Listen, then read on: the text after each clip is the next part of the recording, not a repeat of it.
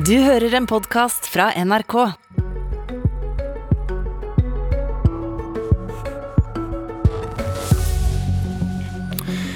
Kan norske budsjettforhandlinger bli påvirket av svenskenes regjeringsdrama?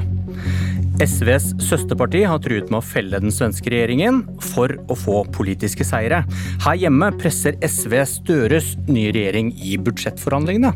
Venstresiden vil ikke lenger bli tatt for gitt. Men har de egentlig noe valg?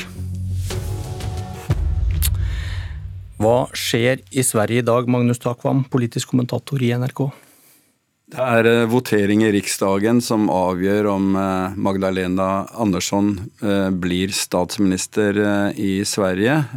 Sosialdemokratene skiftet jo leder fra Löfven til Magdalena Andersson nylig. Og de skal også vedta et budsjett.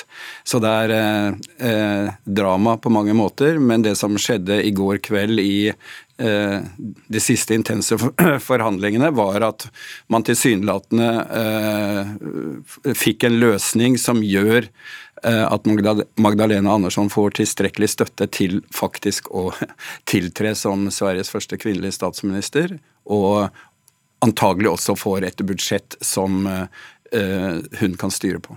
Så har man da litt samme situasjon i Sverige som i Norge, av et sosialdemokratisk parti, avhengig av da SV, eller Venstrepartiet som de heter i Sverige. Og hva slags gjennomslag har Venstrepartiet nå fått? Det de har uh, konsentrert seg om, uh, er pensjon, pensjoner. Altså I Sverige er pensjonssystemet slik at jeg tror de aller fleste er enige om at de som bare har minstepensjon, garantipensjon, har veldig lite å leve for. Så de har krevd at nivået for de fattigste blant disse, de regner kanskje 700 000 pensjonister, får hevet sin levestandard noe. Det de greide å få til, var å øke eh, bostøtten med 1000 kroner i måneden for disse pensjonistene. Altså ikke direkte inn i selve eh, pensjonssystemet. Eh, da klarte sosialdemokratene på en måte å, skjerme en systemendring, men samtidig oppnådde da Venstrepartiet det som for dem var viktigst, nemlig å gi noe til de som sosialt sett trengte det mest. Så i går kveld erklærte da Nooshi Dagdostar, som er leder i Venstrepartiet, at hun ville stemme, eller ikke stemme mot eh, Magdalena Andersson eh, klokka ni i Riksdagen i dag. Og da får Sverige sin første kvinnelige statsminister. Ehm, hva er det ved Venstrepartiet som SV her i Norge lar seg inspirere av? Jeg tror eh, det er klart at den rollen, selvforståelsen, denne typen venstre sosialistiske partier har hatt, har til dels vært preget av at de skal være en slags vaktbikkje for det større sosialdemokratiske partiet, og presse på en måte i norsk sammenheng da, Arbeiderpartiet til løsninger som drar politikken mer til venstre. Eh, etter at, føler jeg, at eh, de sosialdemokratiske partiene også har blitt mindre i størrelse og dermed styrke, så har eh, venstrepartiene, både i Sverige og Norge, ment at de skal få mye større gjennomslag, og, har ikke den blinde lojaliteten, om du vil, til eh, et sosialdemokratisk parti som, som, tidligere. Det blir en mer brysom partner for, for det større partiet eh, på sentrum-venstresiden. Og hva tror du SV har lært av det som har skjedd i Sverige i går, Hege Ulstein? Kommentator i Dagsavisen? Eh, Venstrepartiet i Sverige har jo kalt den eh, avtalen som, eh, som ble til den såkalte januaravtalen for fornedringsavtalen, fordi den slo fast at Venstrepartiet skulle være utenfor all politisk innflytelse. Og det har de nå klart å nedkjempe og plassert seg selv i en sentral posisjon i svensk politikk. Og jeg er enig med det som ble sagt her, at det er helt, helt, klart at dette blir en historisk dag i den forstand at eh, Magdalena Andersson blir Sveriges første kvinnelige statsminister. Men når det gjelder budsjettet, så er det fortsatt veldig uavklart. Der det skal voteres over i ettermiddag, og nå er jo det presset flyttet fra Venstrepartiet over på Senterpartiet. Fordi det er to litt ulike voteringer. Altså er du trenger bare ikke å få et flertall mot deg når du skal inn som statsminister, men når du skal vedta et budsjett, så må du ha et flertall for budsjettet. Og Det er fortsatt ikke klart om Senterpartiet kommer til å stemme for det budsjettet. Da kan de ikke bare legge ned stemmene sine, de må faktisk stemme for det. Og det de fleste svenske kommentatorene nå peker på, er jo at eh, Venstrepartiet har klart å snu spillet, sånn at presset er ikke lenger på den. Det, det er Senterpartiet som må ta stilling og enten stemme for, eller, eller da stemme, stemme, for høyresidens budsjett. Og hva har da og, SV ja. Lært? Jeg tror at, eh, eller jeg vet at eh, på toppen i SV så følger de veldig nøye med hva som skjer i Sverige. De er veldig inspirert av det Dadgostar har fått til. fra å stå på utsiden og bli tatt for gitt, til å bli en maktfaktor i norsk eh, politikk. Og de følger med på Facebook-oppdateringen hennes. Hun var på valgvaken eh, til SV tidligere i høst. og den måten hun har stått på krava på, for å si det sånn, eh, tror jeg er viktig for SV. Og de kjenner seg nok igjen i, i, en del av den retorikken og den posisjoneringen hun gjør. Sånn at for SV nå å godta et budsjett her i Norge som ikke gir dem nok på, på fordeling og på klima, det, det, tror jeg, det tror jeg ikke de kommer til å kunne gjøre. Hans Petter Sjøli, kommentator i VG. Du sier at venstresiden i Norge, Sverige og Danmark har fått en ny selvtillit. Hvor kommer den fra?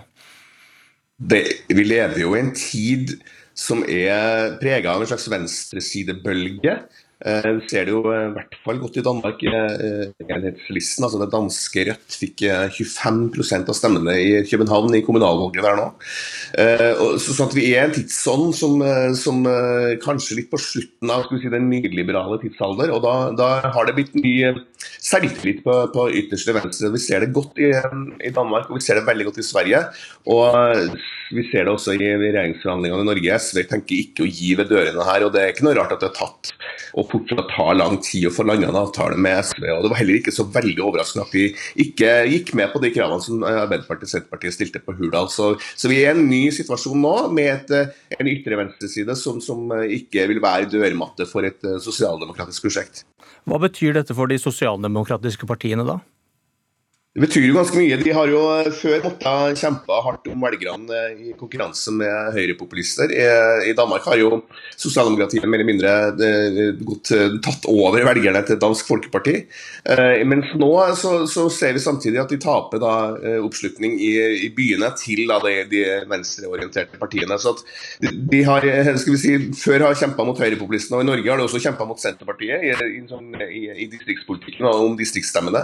Men samtidig har tapt byene. og det, det, nye utfordringa nå er hva skal sosialdemokratiet gjøre for å møte utfordringer fra ytre venstre? Og Det er, eh, ikke, det er ikke, ikke, lett i hele tatt, hvis, men jeg vil jo regne med at målet for eh, Arbeiderpartiet og alle de andre sosialdemokratiske partiene er jo, er jo å komme tilbake til posisjons- og folkepartier. og da, da, må de, da må de kjempe med, med stadig flere aktører på markedet, og nå da ytre venstre. og eh, Det er en spagat som er vanskelig for eh, de store sosialdemokratiske partiene å stå i. Altså, så det, er ingen enkel utfordring det her.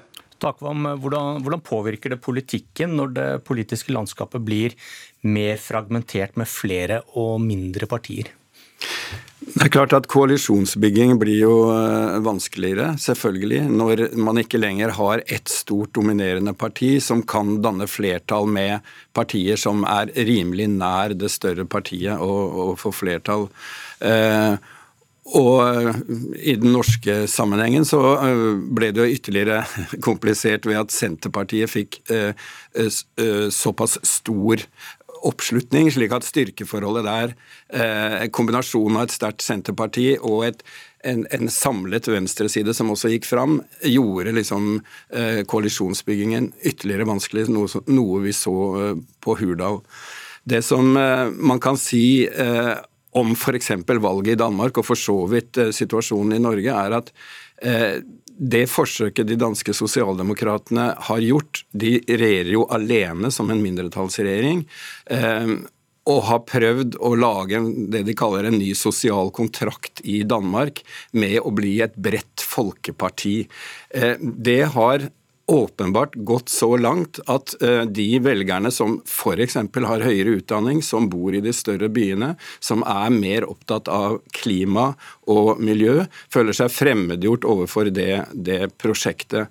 Og Noe av det samme er jo tilfellet for sosialdemokratiet i Norge, der man i hvert fall særlig i Oslo ser at venstresidepartiene har gått fram på bekostning av sosialdemokratiet. Så ja, jeg er enig i at her står sosialdemokratiet overfor et veldig vanskelig og krevende eh, dilemma. De har på en måte skal vi si, opprør eh, mot seg fra, fra flere hold. Uh, Ulstein, Hvis vi tar dette opprøret fra, fra Venstre da, uh, og snakker om um, SV og, og Venstrepartiet. Det er vel sånn at Et fløyparti har ikke så mange alternative statsministre å støtte. Hva risikerer de ved denne harde linja da, som vi snakker om?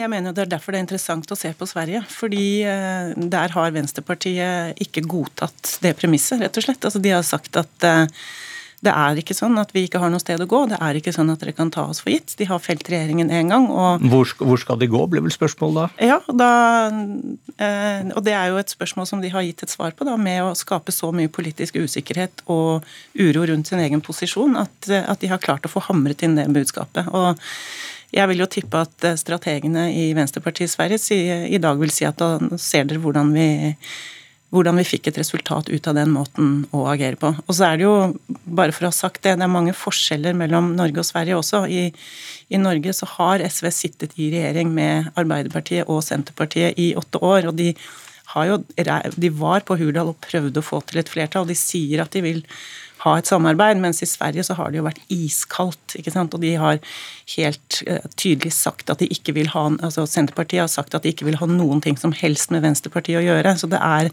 det er et høyere konfliktnivå på den siden av streken i, i Sverige enn det er i Norge. Sjøli, hva, hva, risikerer disse venstresidepartiene ved å stille opp dette valget da for Sosialdemokratene? Du kan samarbeide med oss, gi oss gjennomslag, eller så risikerer du krise. Men hva, hva risikerer de med, med en sånn taktikk? Altså, de, de, risikerer jo selvfølgelig å bli eh, altså uglesett nærmest da, altså, som samarbeidspartner. Og, og, vi ser også på meningsmålingene i Sverige nå, så har jo sosialdemokratene gått litt frem da, etter at Magdalena Andersson eh, tok over. Eh, to prosentpoeng, eh, signifikant framgang på en meningsmåling. Mens da Venstrepartiet går litt tilbake. Så hvis, hvis det blir for mye bråk og for mye eh, uro, da, politisk uro, så, så, kan jo det bli straffa av eh, velgerne også. fordi velgerne vil jo også ha stabilitet. Og, og, i Sverige særlig er det, jo, er det, jo, sikkert mange som bare skriker etter mer stabilitet, for der har det vært politisk uro i mange år nå. De kommer ikke fram til, til ordentlig styringsdyktige regjeringer. og og sånn som Venstrepartiet holder på nå, så har de i hvert fall en slags eh, risiko da, for at eh, velgerne vil bli, bli, lei av enda mer spill og, og ståk i svensk politikk. Så, så, de spiller et høyt spill, eh, Venstrepartiet. Og, men vi får se i dag da, hvordan det blir hvis, hvis Magdalena Andersson nå blir innsatt som statsminister, men samtidig taper da, budsjettet om å regjere på det borgerliges budsjett. Da, da, tror jeg nok at Venstrepartiet igjen da, ligger i en ganske god posisjon til å vokse framover mot valget neste år. Hvis vi skal avslutte her hjemme, kort, kort Ulstein.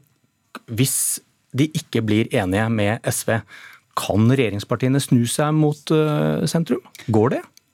Jeg tror at det er et sannsynlig scenario utover i perioden. Men det som denne situasjonen også minner oss om, er jo at Arbeiderpartiet har, har et problem de bør være oppmerksom på. fordi at denne skvisen som Takvann nevnte når det gjelder velgere, at de er på en måte skvis mellom en, en type velgere i periferien og en annen i byene, og at Senterpartiet og SV henter ut hvert sitt segment der. De har liksom samme situasjon i budsjettforhandlingene. At de er i en skvis mellom et SV som har veldig klare klar, krav på sin side, og et Senterparti som fram til nå ser ut til å ha et veldig god, eh, godt grep om budsjettprosessen. Mens Arbeiderpartiet er de som sitter igjen som de største løftebryterne, og som kanskje har den tøffeste jobben faktisk i disse forhandlingene. Og det er litt eh, underkommunisert til nå. Sånn at det er mange som har mye å tape og mye å vinne på det som skjer neste uke i Norge. Altså, man kan godt, eh, altså Teoretisk så kan det ende slik du antyder, at man blir nødt til å eventuelt få budsjettflertall i perioden med, med borgerlige partier. Jeg, jeg, tror det er veldig lite sannsynlig.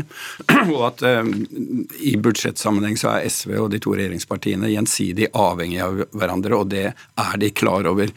Det vil, det vil bli et veldig turbulent, en turbulent situasjon både i Arbeiderpartiet og ellers på venstrefløyen mot sosialdemokratiet hvis de blir såkalt tvunget til å søke støtte i budsjettet med, med de borgerlige partiene. Og den realiteten tror jeg på en eller annen måte disiplinerer dem i, i tida som kommer. nå. Skjer mye i Sverige i dag, skjer litt i Norge òg. Klokka tolv så møtes partene igjen til forhandlinger. Magnus Takvam, Hege Ulstein, Hans Petter Sjøli, Takk for laget. Dette var Politisk kvarter. Jeg heter Bjørn Myklebust. Du har hørt en podkast fra NRK. De nyeste episodene hører du først i appen NRK Radio.